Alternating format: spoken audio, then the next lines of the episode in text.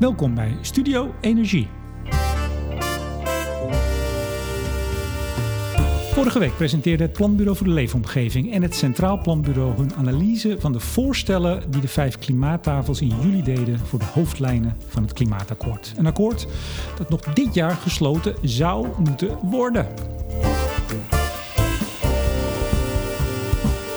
Want de vraag is inmiddels, gaat dat wel lukken? En wat is nou precies de rol van het PBL? Wanneer gaat ondersteuning over in beïnvloeding? Dat en nog veel meer vraag ik aan de directeur van het PBL. Mijn gast deze week, Hans Mommaas.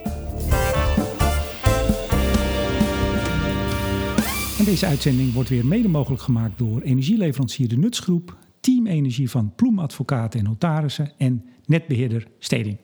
Meneer Mommaas, hartelijk welkom. Dank u. Sinds drie jaar directeur van het PBL, daarnaast parttime hoogleraar Regional Sustainability Governance in Tilburg. Ja. Eén, wat is Regional Sustainability Governance? En twee, hoe hebt u daar in hemelsnaam tijd voor? Eén, uh, Regional Sustainability Governance gaat, gaat over, nou, zoals de term in uh, goed Nederlands vertaald uh, impliceert, regionaal duurzaamheidsbeleid. Dus dat gaat over hoe regio's vandaag de dag invulling kunnen geven aan uitdagingen van duurzaamheid. Uh, uh, dat heeft alles te maken met de toenemende rol van regio's. Het heeft alles te maken met het feit dat duurzaamheidsopgaven uiteindelijk ergens in regio's landen. En daar hun samenhang moeten zoeken met andere opgaves. dan de tweede vraag: hoe vind ik daar tijd voor? Door heel stelselmatig de vrijdag vrij te boeken voor mijn gang naar Tilburg. Om daar met de lava aan de kennis die daar geproduceerd wordt. U hebt uh, sociologie, westerse sociologie gestudeerd ja. in Wageningen, gepromoveerd. Ja. Moderniteit, vrije tijd en de stad. Ja. 13 jaar hoogleraar vrije tijdstudies. Ja. Dat ook. ook nog. Ja. Uh, en u was 11 jaar lang voor uw komst naar het PBL wetenschappelijk directeur van het Brabant Centrum voor Duurzame Ontwikkeling. Ja. Hoe bent u topambtenaar geworden? Dat, ik, ik ben ervoor gevraagd. Ze, ze, ze, op een gegeven moment zocht men contact met mij om, om uh, me te polsen, me te vragen of ik uh, niet me wilde verhouden tot de vraag of ik directeur van het planbureau zou willen worden. En dat wilde Dat was een vacature. Nou, dat heeft enige tijd gekost. Want op zichzelf vond ik dat ik mijn activiteiten in Tilburg op een goede manier kon invullen. En ik vond ook dat ik daar behoorlijk wat vrijheid en onafhankelijkheid had. En ik zag nogal wat opgaven daar om ons afkomen. Dus, dus op zichzelf was er geen enkele behoefte om daar te vertrekken.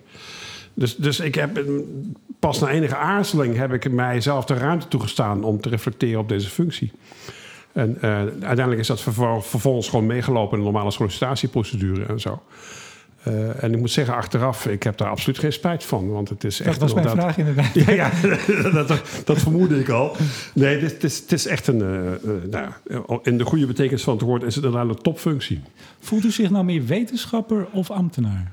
Ik, ik, voel mij, ik voel mij wetenschapper in eerste instantie. Omdat je toch uiteindelijk de bijdrage die je levert aan het beleidsproces moet funderen op behoorlijk wat wetenschappelijke kennis en wetenschappelijke denkvermogen. Uh, uh, wij zijn geen wetenschappelijk instituut. In die zin dat onze kennisvragen natuurlijk vooral worden aangereikt vanuit uh, de beleidsomgeving. En niet vanuit de, de, inhoudelijke vraagstukken vanuit de wetenschap zelf. Maar we zijn tegelijkertijd wel een wetenschappelijk instituut. In die zin dat onze kennis natuurlijk wel op een wetenschappelijke methode gefundeerd moet zijn. Het is evidence-based wat wij leveren. En scheelt het dan nog dat uw onderdirecteur wel een, een echte Haagse uh, ambtenaar is? Nou, ik, ik, de, de, de, het koppel van de directeur en de onderdirecteur kijkt anders naar elkaar. Uh, uh, volgens mij zien we elkaar vooral als de directeur is er van de sociale kant, hè, alpha gamma. En mijn onderdirecteur is er van de beta-kant, dus, dus een beta-man. En, en, ik denk dat dat op een hele mooie manier past bij het PBL als multidisciplinaire omgeving. Want we hebben hele sterke beta's in huis. Maar we hebben ook ijzersterke alfa's en gamma's in huis. En die moet je hebben om vandaag de dag duurzaamheidsvragen goed integraal te kunnen aanvliegen. Vrijdag presenteerde u samen met het Centraal Planbureau de analyse. Ik zei het al in de, in de inleiding. Ja. Heel veel pers, had u dat verwacht? Ja, ik, ik, ik, ik, had wel het gevoel dat we met iets bezig waren... wat op de een of andere manier belangstelling had... Uh, breed maatschappelijk en dus ook van de pers.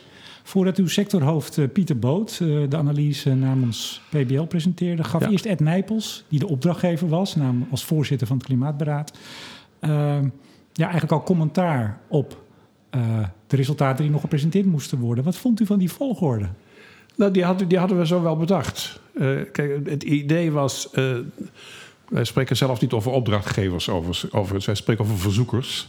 Dus, dus Ed Nijpels was in zijn voorzittersrol van het Klimaatberaad de verzoeker om deze evaluatie. Wat is het verschil tussen een verzoeker en een opdrachtgever? Nou, wij, wij, wij krijgen geen opdrachten, wij krijgen vragen. En vervolgens bepalen wij zelf of die vragen beantwoorden, ja of nee. Kijk aan. Ja, dus, dus, dus om even, even de positie duidelijk te maken van, van een planbureau. Maar, maar eh, kijk, kijk, het Klimaatberaad was in deze de verzoeker. Dus het Klimaatberaad had ons verzocht om dit door te rekenen.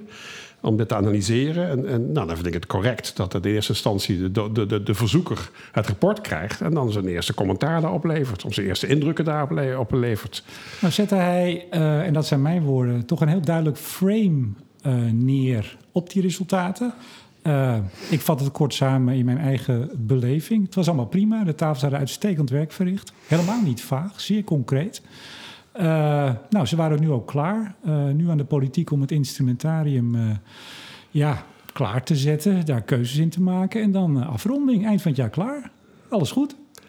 Ja, nou goed, maar, dat, dat is op zichzelf denk ik niet zo verwonderlijk dat hij dat op die manier wil neerzetten. Ik denk dat de situatie open genoeg was voor iedereen om zijn eigen conclusies te trekken. Wij hadden zelf ons persbericht natuurlijk ook al de wereld ingestuurd. Waar we zeggen, nou ja, in, in, in deze fase, als je de maatregelen bij elkaar optelt, dan kom je richting die 49 procent. Maar de instrumentering, ja, dat, dat is toch een, een complex vraagstuk. Dus we hadden zelf als het ware half, dat glas half vol, half leeg hadden we als neergelegd. En ja, of, of iemand nou een, een pakt van de half vol kant of van de half leeg kant, ja, dat is aan degene die dat vervolgens dan onderwerp voor gesprek maakt. Ja. Nou was toch de afspraak, zoals ook het kabinet, minister Wiebes in zijn brief, geloof februari dit jaar, uiteenzetten hoe dat hele proces ging lopen. Dat de tafel zouden een hoofdlijnakkoord voor de zomer opleveren. Ja. Dat werden uiteindelijk voorstellen voor hoofdlijnen, want ze kwamen er eigenlijk niet uit. U zou een doorrekening Ja. eh, doen in de zomer. Dan moet je toch eigenlijk vaststellen dat, nou ja, op zijn minst, eh, we niet zo gevaren zijn als het allemaal de bedoeling was. Dat weet ik niet. Dus ik bedoel, dat, eh, dat- je kunt er ook anders naar kijken. Je kunt zeggen, nou ja, er zijn tafels rondom deze eh, eh, thema's ingericht. Waarin bedrijfsleven, maatschappelijke organisaties, eh, beleidsmedewerkers, decentrale overheden met elkaar in gesprek gaan over hoe gaan we dit nou doen. En dat levert halverwege de voorstellen op die, die het opgeleverd heeft. En dan gaan we eens kijken van wat is het allemaal. En, en, wat komt daar aan vraagstukken uit die op de een of andere manier op het bord van het kabinet vallen? Nou, dat, dat, is helder geworden. Hè. Er moeten vraagstukken over CO2-beprijzing, vraagstukken over de voortgang van de SD, enzovoort, enzovoorts. Nou, ik neem aan dat het kabinet zich nu aan het beraden is op dit soort issues, zodat dadelijk de tafels weer verder kunnen. Maar het idee was eigenlijk net als bij het energieakkoord in 2013... dat de polder ging er toch in principe samen uitkomen. En dan uiteraard heb je instrumentarium nodig, wetgeving, subsidies, et cetera... om dat te laten vliegen. Maar zelfs in zijn eigen brief aan minister Wiebes van afgelopen vrijdag... zei eh, Ed Nijpels, ja, dit is een mooie inventarisatie. Een inventarisatie van vier maanden. Maar Ja. dat was toch niet waar we voor getekend hadden met elkaar? Dat weet ik niet. Ik, ik, ik, ik- dat, Nou, dat, dat schreef in ieder geval minister Wiebes in zijn brief. Er gingen afspraken gemaakt worden aan de tafels. Ja, nou ja, goed. Men is gekomen zover als men gekomen is. Daar kun je enerzijds van zeggen, jammer dat men niet verder gekomen is. Anderzijds is dit gewoon het feit waar, waar je mee te leven hebt op dit moment. Nou, er liggen dus nu eh, beelden, er liggen afspraken, er liggen, er liggen voorstellen. Nou, die, die zijn door ons geanalyseerd op, nou, hoe, wat levert dat op? Dat- We hebben ook duidelijk in ons rapport gezegd, er zijn verschillen van tafel tot tafel. De ene tafel heeft zus aangepakt, de andere zo aangepakt. Er ligt geen blauwdruk. Hè. We, we hebben ook op zichzelf niet zoveel ervaring met, met, met, met hoe dit soort tafels ingericht moeten worden. En nu is het aan het kabinet om samen met de Kamer tot een appreciatie te komen geval. En, en, ik denk dat het dan inderdaad weer terug moet naar de tafels om daar overleg verder met elkaar te voeren. Het is wat het is. Kijk, nogmaals, je had best inderdaad misschien de verwachting kunnen hebben dat we al wat verder zouden kunnen zijn. Maar ja, men is zover als men nu is. Ja. Maar, maar toch even, dan had meneer Nijpels als toch coördinator, als voorzitter van het Klimaatberaad, gewoon kunnen zeggen: Nou, we zijn gekomen zover als we zijn, maar zijn beeld was heel duidelijk: nee, dit gaat fantastisch. Ja, maar ik denk dat dat een soort van nuanceverschil is... waarvan ik denk, ja... Wat maakt het voor verschil ook hoe we dat nou precies beoordelen? het feit is, dat, is dat, dat de resultaten liggen zoals ze er liggen. En uh, ik denk dat inderdaad de constatering terecht is, en die hebben we ook in ons persbericht gemaakt, dat het nu aan het kabinet is om daar een reactie op te geven, zodat die tafels verder kunnen. Ik uh, sprak een journalist na afloop, er waren er vele. En die, uh, die hadden ook uw persbericht gezien. En ja. die zei van, nou, stond in de tweede regel, 3 tot 4 miljard. Kost het maar. Waar hebben we het eigenlijk over? Ja, wat is nu de vraag? Waar ik eigenlijk, wat ik eigenlijk aan u wil vragen is... Um, als het gaat over het beeld van wat er vrijdag gepresenteerd is... Um, ik zei net al wat Nijpels vooral neerzetten was... nou, het gaat hartstikke goed. Uh, ja. Die 3 tot 4 miljard... Ja. Uh, voor een inventarisatie waarvan we eigenlijk nog niet weten wat eruit gekozen gaat worden, hoe kunt u dan al zeggen dat het 3 tot 4 miljard zal zijn? Nou, dat, dat heeft te maken met zeg maar, de, de maatregelen die daar liggen. Hè? Die maatregelen die kunnen wij. De mogelijkheden van maatregelen. Mogelijkheden van maatregelen, de voorstellen van maatregelen die daar liggen. Nou, daar kunnen wij een inschatting van maken wat dat aan, aan nationale kosten uh, met zich mee gaat brengen. Uh, daar, daar, voeren wij onze modellen uh, mee. En vervolgens komt er het bedrag wat eruit komt. Uh, uh, wij, wij, constateren ook in onze stukken, ja, jongens, pas, pas op, houden met rekening. Er zijn nog tal van onzekerheden op de weg daar naartoe. Energieprijzen, internationale verkeer, noem het maar op. Hè, al die dingen die daar vermeld staan. Dus regel het ook adaptief. Zorg er ook voor dat je tussentijds met elkaar kunt gaan bepalen... jongens, gaat dit nog de koele kan of ja of nee? En tegelijkertijd hoort daarbij dat natuurlijk... dit gaat hier om nationale kosten... Dus, dus de, hele discussie over waar landen die lusten en die lasten, ook dat vraagstuk, dat zal nog verder ingericht moeten worden. Ook afhankelijk van de kabinetsreacties en waar men zelf mee komt. Dus, dus het is een. Het is een ja, maar het is. Je kunt het niet minder complex maken dan het is. Dus uh, we hebben het over richting 2050, 2030. Lange termijn processen, grote veranderingen. Het is nogal wat. Hè? 6,5, 7 miljoen woningen die, die, die je CO2-neutraal moet maken. We hebben een enorme petrochemische industrie in Nederland. Die zal op de een of andere manier uh, duurzaam moeten worden gemaakt. Dus de opgave is er naar. Ja, en dan, dan probeer je met elkaar een prijskaartje daar aan te hangen. In, in het besef dat je weet dat gaandeweg dat prijskaartje ook wel zal gaan veranderen. Laat ik het u concreter zeggen. In uw rapport en in uw rapporten zoals ik die ook ken van PBL... zitten altijd alle slagen om de arm, alle mits en maren staan daarin. Geen discussie. Ja. Maar door in dat persbericht in de tweede regel al 3 tot 4 miljard te schrijven, en zeker als je dat presenteert voor een uh, deels ook algemeen journalistiek publiek, bent u dan niet bang dat er een verkeerd beeld kan ontstaan? Nou, wij geven daar wat wij, gegeven de beste stand van de kennis, op dit moment kunnen doorrekenen. Dit zijn de bedragen die daaruit komen, met alle mitsen en maren daaromheen. Uh, uh, hoe dat beeld beoordeeld wordt, welk gewicht daaraan wordt gehecht. Tuurlijk hebben we daar een deel verantwoordelijkheid in. Hè. We moeten reken, onze rekenschap geven ook van, van de, de, resultaten waar wij toe komen. Maar daarna is de beoordeling, denk ik, aan het politiek-bestuurlijke proces. Vinden we dat veel? Vinden we dat weinig? Uh, voelen we daar ons lang bij, ja of nee? Hoe gaan we vervolgens de lusten en de lasten verdelen met elkaar? Dat, dat is dan aan anderen dan ons om dat te beoordelen. Nee, maar dat, dat is helder. Het gaat meer over de mate van exactheid die vrijdag werd opgeworpen. Ik, ik haal één zin uit uw, zelfs de inleiding van het rapport, waarin u schrijft: In algemene zin geldt dat het verwachte effect van de voorstellen niet te bepalen is. Ja. Had dat niet in de tweede zin van het persbericht gemoeten? In plaats van 49% is technisch in potentieel aanwezig, 3 tot 4 miljard. Die exactheid, daar gaat het mee om. Ja, maar, maar alweer, hè, je, probeert comfort te bieden waar je het comfort kunt bieden. Aan? En, aan, aan de samenleving, aan het uh, uh, politiek-bestuurlijke proces. Wij moeten met elkaar een, een, onzekere toekomst in. Nou, we proberen zo goed en zo kwaad als wij dat kunnen... de, de, de, de lijnen van die toekomst met elkaar in kaart te brengen. Nou, dit is wat het is. Met alle mitsen en maren lijkt ons, overigens, die, die, die, die, die marge van die 3 en die, en die 4 miljard. Uh, dit schijnt geen onbekende getallen. Ze zijn al eerder in onze, onze modellen teruggekomen. In die zin zit er iets van een zekere robuustheid in. Maar pas op, hè. Maar dat wordt vertaald door veel journalisten als de totale kosten. Terwijl het zijn alleen maar de extra kosten bovenop het referentiescenario. En, want die 0,5% die minister Wiebes nu ook steeds vertelt... en ook Ed Nijpels, die extra kosten, die 3 tot 4, dat is niet die 1 tot 3 procent die het echt gaat kosten. 7 tot 21 miljard per jaar. Ja, nee, maar dat, dat, volgens mij zijn we daar in onze tekst heel helder over. Hè, dat het inderdaad gaat over de extra kosten bovenop zeg maar even Maar de basisreferentie. Heel veel van de journalisten Nee, snappen dat- dat, toch helemaal niet? Nee, dat begrijp ik. Dus, dus, dus eh, ik, ik snap dat een aantal eh, mensen dat niet goed begrijpt. En daar ligt voor ons de schone taak om naar de toekomst toe daar misschien nog helderder over te zijn. Ook eens goed uit te leggen wat inderdaad zo'n referentiescenario, zo'n basisscenario is. Ja. Nou had het, eh, het CPB, die natuurlijk een heel andere functie heeft... die hadden zich er eh, toch iets makkelijker van afgemaakt, met Ja. alle respect. Ja, Eh, nog geen half A4 eh, persberichtje. Eh, ik geloof 12 pagina's. Rap nou, rapportje was het eigenlijk niet. En eigenlijk zeiden ze ook van ja, van twee tafels konden we wel iets berekenen of Ja. analyseren, maar van drie tafels helemaal niks. Nou hebt u 260 pagina's eh, geproduceerd. Eh, waarvoor hulde, zou ik bijna zeggen, in zo'n korte tijd. Dat is al knap. dank u. 34 auteurs zag ik, hè? Ja. Dat is echt een, eh, een monsterklus.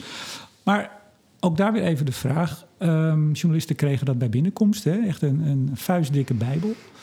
Suggereert dat ook niet een soort exactheid, waarvan u inderdaad in tekst hoor, nogmaals, het staat er allemaal, alle mits en maren, maar suggereert die 260 pagina's niet een exactheid die er nogmaals, dat stellen we samen vast, niet is? Nee, ik, ik, ik, kan me dat, ik, kan me dat beeld voorstellen. Ik, ik, kan me dat, dat frame voorstellen. Maar dat is niet, dat is niet de intentie van waaruit wij ons werk hebben gedaan. Dus, Nee, het is niet uw intentie, maar als dat nou wel het gevolg is, is dat dan misschien wel de Nee, juiste aanpak? ik denk dat, dat het beoogde gevolg een ander is. Het beoogde gevolg is eh, eh, dat, dat wij onze best available knowledge eh, terug hebben gegeven aan de tafels. Zodat de tafels in de tweede fase en ook het kabinet met die kennis iets kunnen gaan doen. Kijk, wat, wat, wat ik een beetje jammer vind, als, stel, stel dat wij ons inderdaad hadden gezet gezet op, op het perspectief van... Ja, wij, wij rekenen alleen maar door wat doorrekenbaar is. En voor de rest, weet u, hè, moet u het zelf maar uitzoeken.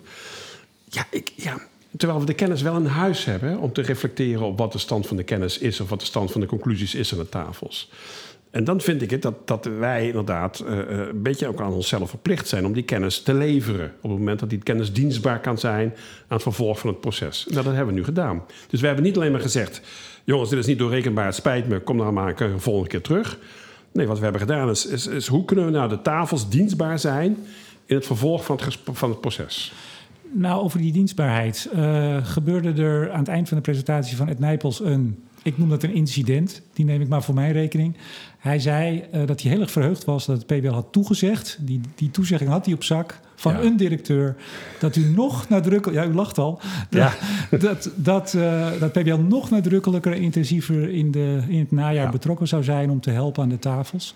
En uw sectorhoofd Pieter Boot, die eh, daarna het woord kreeg, die diende hem fijntjes, maar buiten Ja. scherp van repliek. Namelijk, er was nog helemaal geen toezegging. Nee. Laten we eerst maar even ophelderen. Wie had hier gelijk? Eh, eh, eh, volgens mij had Pieter Boot gelijk. Er is nog geen toezegging. Kijk, wat, wat, wij, wat, wat we in algemene termen met elkaar gedeeld hebben, is dat er een wens ligt, inderdaad, van het Klimaatberaad, om gebruik te blijven maken en misschien nog wel meer intensief gebruik te blijven maken van onze kennis. En daarvan heb ik met Ed Nijpels gewisseld van ja, dat, dat, prima om daarover in gesprek met elkaar te gaan. Maar het gesprek is nog niet gevoerd. Dus, dus wij moeten nog met elkaar inderdaad in gesprek over hoe we in die tweede ronde met elkaar het proces gaan organiseren. Ma- Mag ik u vragen, en als u daar niet op wilt antwoorden, vind ik het ook goed. Wat u vond van het feit dat hij u daar publiekelijk eigenlijk voor het blok zette en deed alsof u Nou, wij, wij- wij zijn volwassen genoeg om daar eh, mee om te kunnen gaan hoor. Ik, bedoel, eh, ik heb geen, geen teer zieltje of zo die daar eh, zich Nou, kwetsend dat was ook niet mijn eh, idee. Nee, maar ik bedoel, dit- dit- dit- ik heb het aangehoord en, en ik, ik begreep het als een uitnodiging om met elkaar eh, dat vervolggesprek aan te gaan. Ik bedoel, dat is evident. Maar, maar nogmaals, ik, ik, ik, ik, heb, ik heb geen enkele behoefte om daar op de een of andere manier besmuikt of zo over te doen. Wat, wat, wat- Nou, op wat het wij- moment wel werd er flink gelachen in het hoekje. Dat refer- Ja. Daar refereerde Nijpels ook aan. Hij had het over de discipelen die zaten te lachen. Ja, nee, maar, kijk, voor ons, voor ons speelt echt serieus de kwestie van... eh, eh, eh, de, samenleving investeert in een planbureau. Daar, daar is ontzettend veel kennis opgebouwd in de loop der jaren. Wij willen die kennis dienstbaar stellen aan de ontwikkeling van zo'n klimaatakkoord. Eh, En dat noemen wij kennis aan tafel. Wij willen kennis aan tafel leveren. Ook. Nee, maar dat is helder hoor. Ja, dat maar, en, en, en, maar wat, ik, wat ik even wil aantekenen is dat het natuurlijk voor ons vanzelfsprekend is dat we daar onze onafhankelijkheid bij in de gaten moeten houden. Daar wou ik nog net Ja. op doorgaan. Dacht ik wel. Ja. Want meneer Nijpels zei ook, voordat hij zei dat dat eigenlijk al geregeld was, de zaak, zei hij, maar uiteraard respecteren wij zeer de onafhankelijkheid Tuurlijk. van het. Ja, natuurlijk. Maar de vraag is, eh, kunt u dat nog zijn? Want eh, u hebt natuurlijk als PBL de afgelopen paar jaar een enorm belangrijke rol gekregen met heel veel invloed. Eh, de 49% in het regeerakkoord, de verdeling over de tafels. Dat was Ja. toch eigenlijk een klein, klein staatje uit een van uw rapporten.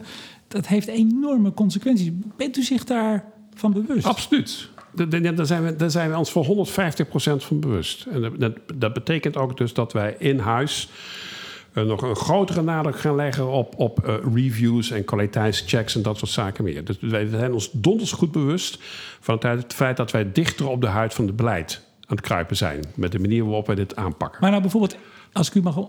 SODM, die is gestopt, eh, de eh, staatstoezicht op die is gestopt, of in ieder geval veel minder om partijen Ja. gaande hun aanvraag te adviseren en bij te staan en te reflecteren wat u nu doet. Omdat zij zeggen, ja, straks krijgen we die vergunning aanvraag, dan ligt het er, dan moeten we daar naar kijken. En dan keuren we voor een deel ons eigen vlees. Dat speelt bij u toch net zo? Dat speelt bij ons net zo. En, en, en, en daarom moeten wij ontzettend goed in de gaten houden dat wat wij aan kennis leveren aan die tafels inderdaad door ons geleverd wordt en that's it. Wij leveren die kennis en wat de tafels ermee doen is aan de tafels. En vervolgens gaan we wel op het eind van de rit onafhankelijk eh, testen of wat eruit komt door de beugel kan ja of nee. Maar ik, ik hoor, mo- moet ik u misschien met spijt in het hart zeggen, best veel kritiek op u, op het PBL, ongeveer het laatste jaar. Ook van onderhandelaars aan tafels. Die vinden dat het PBL toch in, omdat u de centrale figuur bent Ja. geworden, zowel met de getallen, maar ook met de aanwijzingen en de suggesties en de ideeën hoe het allemaal zou kunnen, aan het sturen bent. Herkent u zich daarin? Nee, want, want wij, wij zitten niet aan het stuur. De, de, tafels zelf voeren regie over wat ze met die kennis doen. Wij Maar op het moment dat u nou zo belangrijk bent om die tafels te voorzien van doorrekeningen, van effecten, Ja. daarmee, nou laat, laat ik iets anders zeggen. In het rapport wat u eh, vrijdag uitbracht, elektrisch rijden bijvoorbeeld. Daar staat een best een lang verhaal over wat allemaal kan en niet zou kunnen. Maar het gaat bijvoorbeeld helemaal niet over wat het dan zou kosten. Terwijl dat nou iets zou zijn waarvan je zegt, nou daar zou u dan misschien toch een indruk van kunnen geven. Ja, maar, maar kennelijk is, is, is de tafel, of zijn wij daar nog niet aan toegekomen. Hè? Dus dat, dat, dat, dat is dan denk ik iets wat voor een vervolg kan. Maar, maar even, even terug naar de, de, de basis van, de, van, de, van het gesprek. Eh, Nogmaals, hè, eh, wij, hebben hier een enorme overdaad aan kennis in huis. Echt gespecialiseerde kennis over hoe die processen in elkaar steken. Integraal, modelmatig enzovoort. enzovoort. Ja, ik, ik vind het een beetje, ik vind het een beetje eh, jammer als die kennis gewoon hier aan de plank blijft liggen. En alleen maar op het eind van het proces naar boven komt en zeggen: nee, jammer, fout, begin maar opnieuw. Terwijl die kennis kun je ook al eerder het proces invoeren. En nogmaals, het is aan de tafels, altijd aan de tafels, om te bepalen wat ze met die kennis willen en Maar op het doen. moment dat die tafels heel erg kijken naar u, dan hebt u toch heel veel invloed. En dan kunt u wel zeggen, formeel zitten wij niet aan het stuur, maar indirect toch wel. U stuurt toch op de achtergrond heel sterk mee. Dat is toch Ja, inherent maar, aan uw dat, rol? maar dat doe je ook als je op het eind evalueert. Hoe dan ook. Eh, Als je, al- als je wacht tot het einde en je levert je evaluatie... en die evaluatie leidt ertoe dat er een andere beoordeling van beleidsprocessen moet gaan plaatsvinden... dan stuur je toch ook? Ik bedoel, dat- dat- En dan is het toch jammer dat het dan een half uur, half jaar heeft moeten wachten... voordat als het ware die kennis aan tafel is... Dan, dan is het beter om dat halverwege te doen. Dat hoort een beetje ook, want dat, dat, raakt aan een, een bredere discussie. Het hoort ook een beetje eh, bij een situatie waarin beleid en samenleving met elkaar ook ingewikkelde eh, relaties aangaan. Rondom agenda's waarvan je van tevoren niet zo goed kunt bepalen waar die uitkomen. De, de, de term adaptief beleid, hè, die, die wordt te pas en te onpas daarvoor benut. Dat gaat erover dat, dat we met een aantal problemen zitten in die samenleving. Die een ongekende horizon hebben, ongekende kennishorizon ook hebben. En dat betekent gewoon dat je ook als kennisinstelling wat bewegelijker in dat beleidsproces moet meebewegen. Maar bijvoorbeeld, ik heb met uw sectorhoofd Pieter Boot ook een keer een gesprek gehad hier eh, in dit eh, prachtige pand. Daar zitten we in Den Haag op uw eh, kantoor. Dank u. Ehm, daar ging het bijvoorbeeld over de kosten van CCS. Ja. En dat, dat, hij, hij zei toen van ja, dat zal 40, 50 zijn, maar het zal geen 100 zijn per ton vermeden CO2.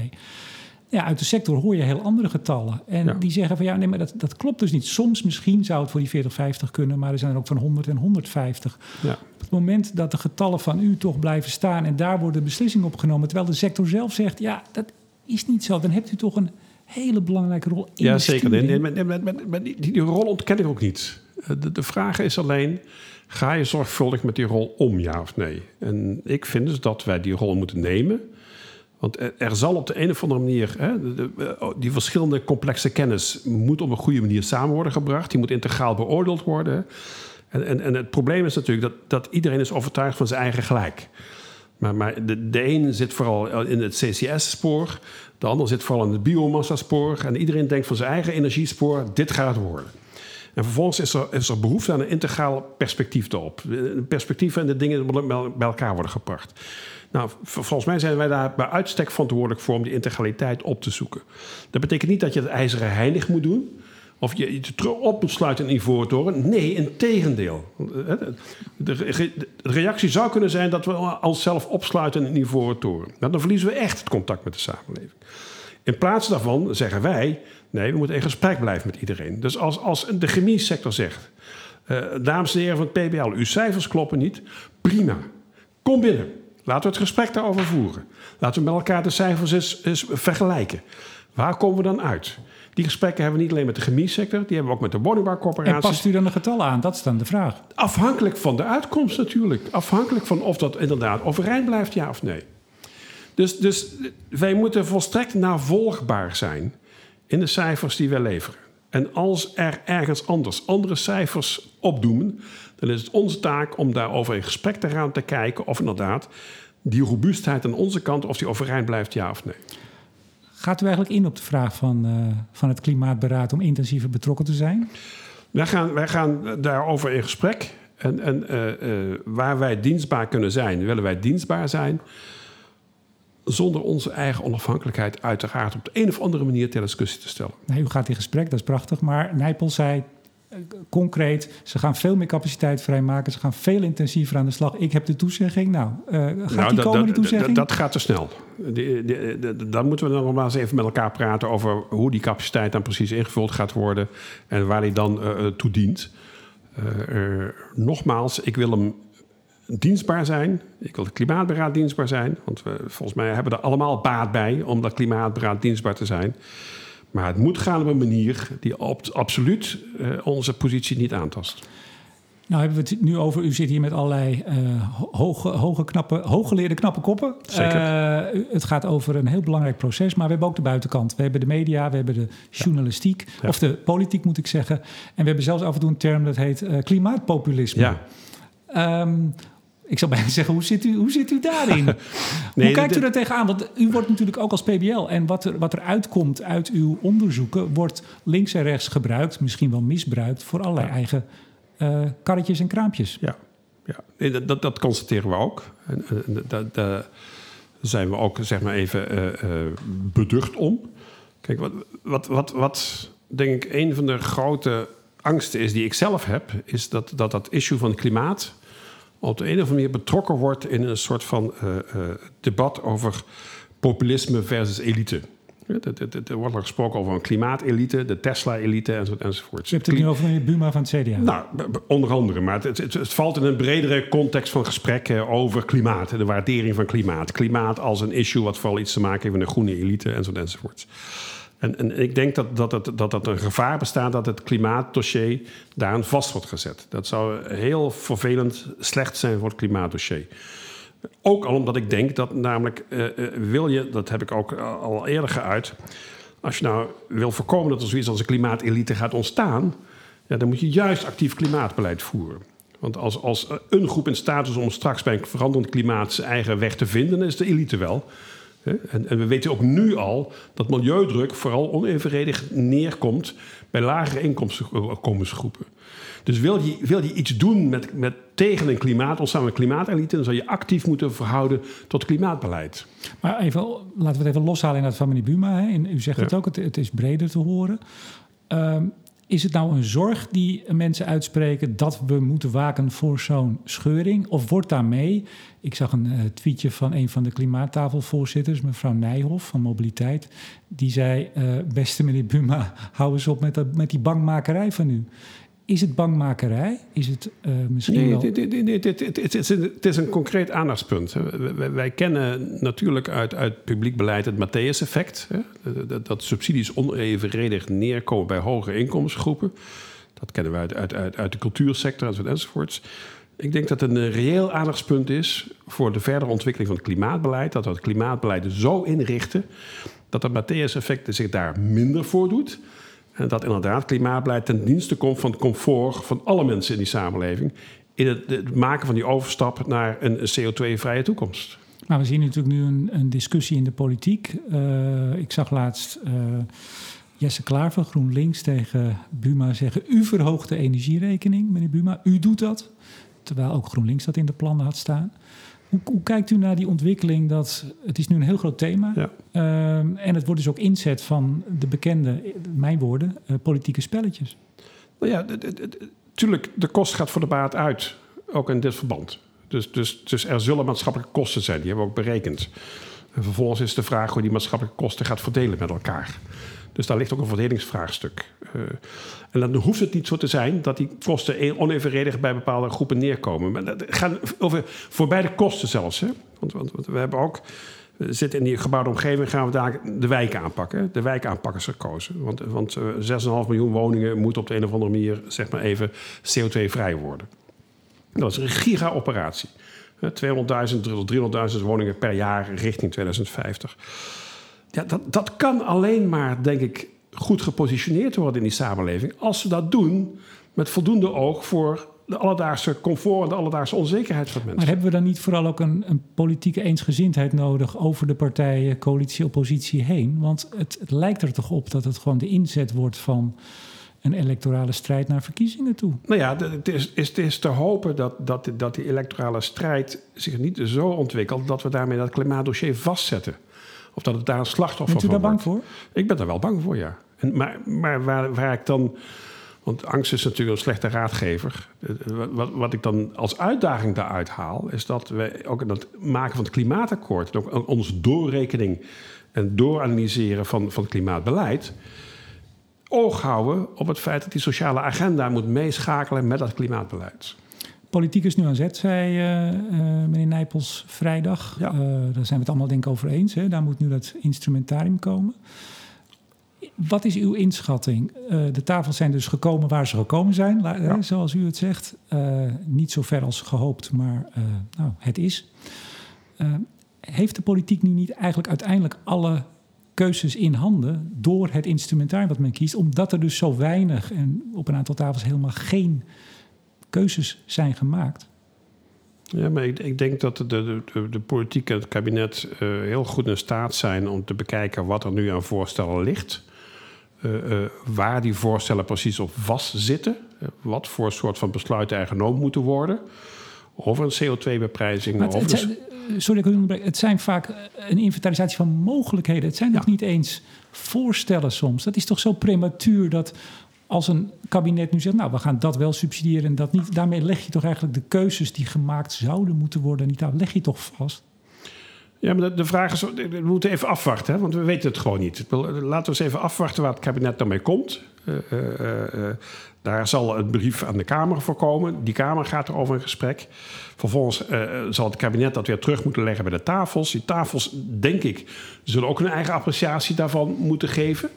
Want die tafels zullen met elkaar moeten zeggen: ja, met wat er nu ligt vanuit het kabinet, kunnen we het wel of niet halen, ja of nee? Dus, dus, en in dat proces zit nog zoveel onzekerheid. Ik, ik, ik denk dat ik daar gewoon op dit moment geen voorzet voor kan geven.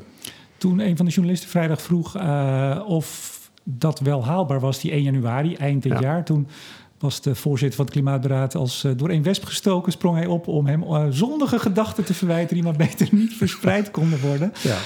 Um, ik ben benieuwd of u ook van die zondige gedachten hebt. Want gaan we het halen 1 januari? Dat weet ik niet. Echt niet.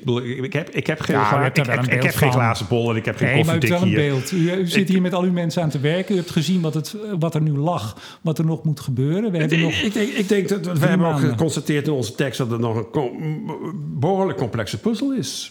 Ik, ik denk U dus dat, nog iets sterker in de tekst, maar Sorry, zeer ja, goed. complex, hè? Ja. Zeer complexe puzzel. Ja. Want, want- want- want dat- dat- dat- alweer, het gaat over hele complexe vraagstukken. Het gaat over centraal, wat moet je centraal beleid doen, wat kan decentraal. Het gaat over beprijzing, het gaat over eh, Europa, wat gaat Europa doen enzo, enzovoort. Dus het is behoorlijk complex.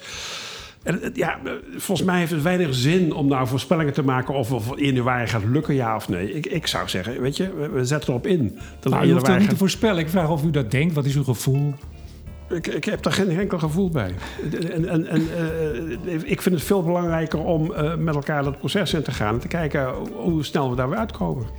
Volgens meneer Nijpels is er ook geen oneenigheid in de coalitie. Krijgt u daar iets van mee uit Den Haag? Of zit u hier heerlijk met uw medewerkers te rekenen? En, Nee, eh, wij, wij, wij- zijn eh, eh, niet anders als gewone burgers, ook wat dat betreft, afhankelijk van de informatie die we krijgen via u als media. En, en, en ik moet zeggen, nou, ik, ik, ik heb de persconferentie gezien van de premier afgelopen vrijdag. Waarin hij, waarin hij constateerde dat er geen oneenigheid was. Koekenij, hè? Wiebes, Wiebes, ja, nou, dus nou, we wachten het af. Ik neem aan, ik neem aan dat we daar deze week, want dat is de toezegging. Er zou deze week Waarschijnlijk. ko- Nou ja, dus we wachten af. Ik wacht met u mee. Prima. Hans Bomaas, directeur van het PBL Planbureau voor de Leefomgeving. Hartelijk dank voor dit gesprek. Niks dank, graag gedaan. Ik bedank ook deze week energieleverancier De Nutsgroep, Team Energie van Ploemadvocaten en Notarissen en netbeheerder Stedin voor het mede mogelijk maken van deze uitzending. En uiteraard bedank ik jou, beste luisteraar, voor het luisteren. Mijn naam is Remco de Boer. Graag tot volgende week.